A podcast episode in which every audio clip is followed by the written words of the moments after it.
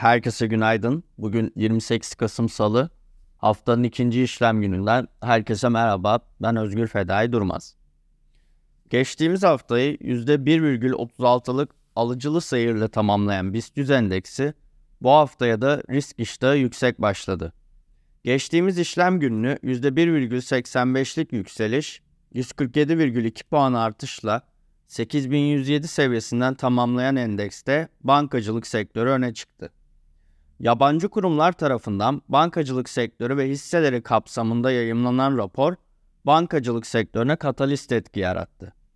Endekste 5 günlük hareketli ortalama 7999, 22 günlük hareketli ortalama 7795, 60 günlük hareketli ortalama 7771 seviyesinden geçerken Viop akşam seansının normal seans kapanışının 12 puan altında günü tamamlaması ve global piya- piyasalardaki yön arayışı nedeniyle BIST 100 endeksinin güne yatay başlangıç yapmasını bekliyoruz. BIST 100 endeksinde kısa vadede 8085 seviyesi pivot olurken 8150, 8190, 8255 seviyeleri direnç, 8045, 7980, 7940 seviyeleri destek olarak izlenecek.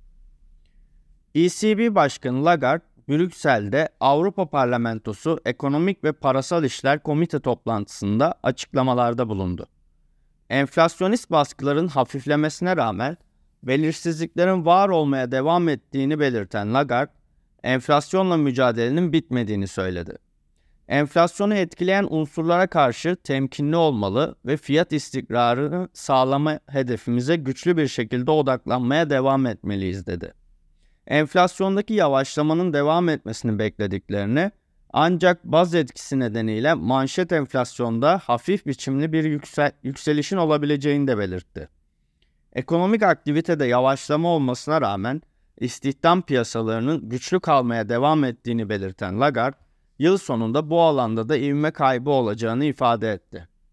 Lagarde kısa vadeli sıkıntıların sürdüğünü ancak enflasyon düştükçe ve ihracat ve hane halkı reel gelirleri arttıkça gelecek yıllarda ekonominin güçleneceğini de sözlerine ekledi.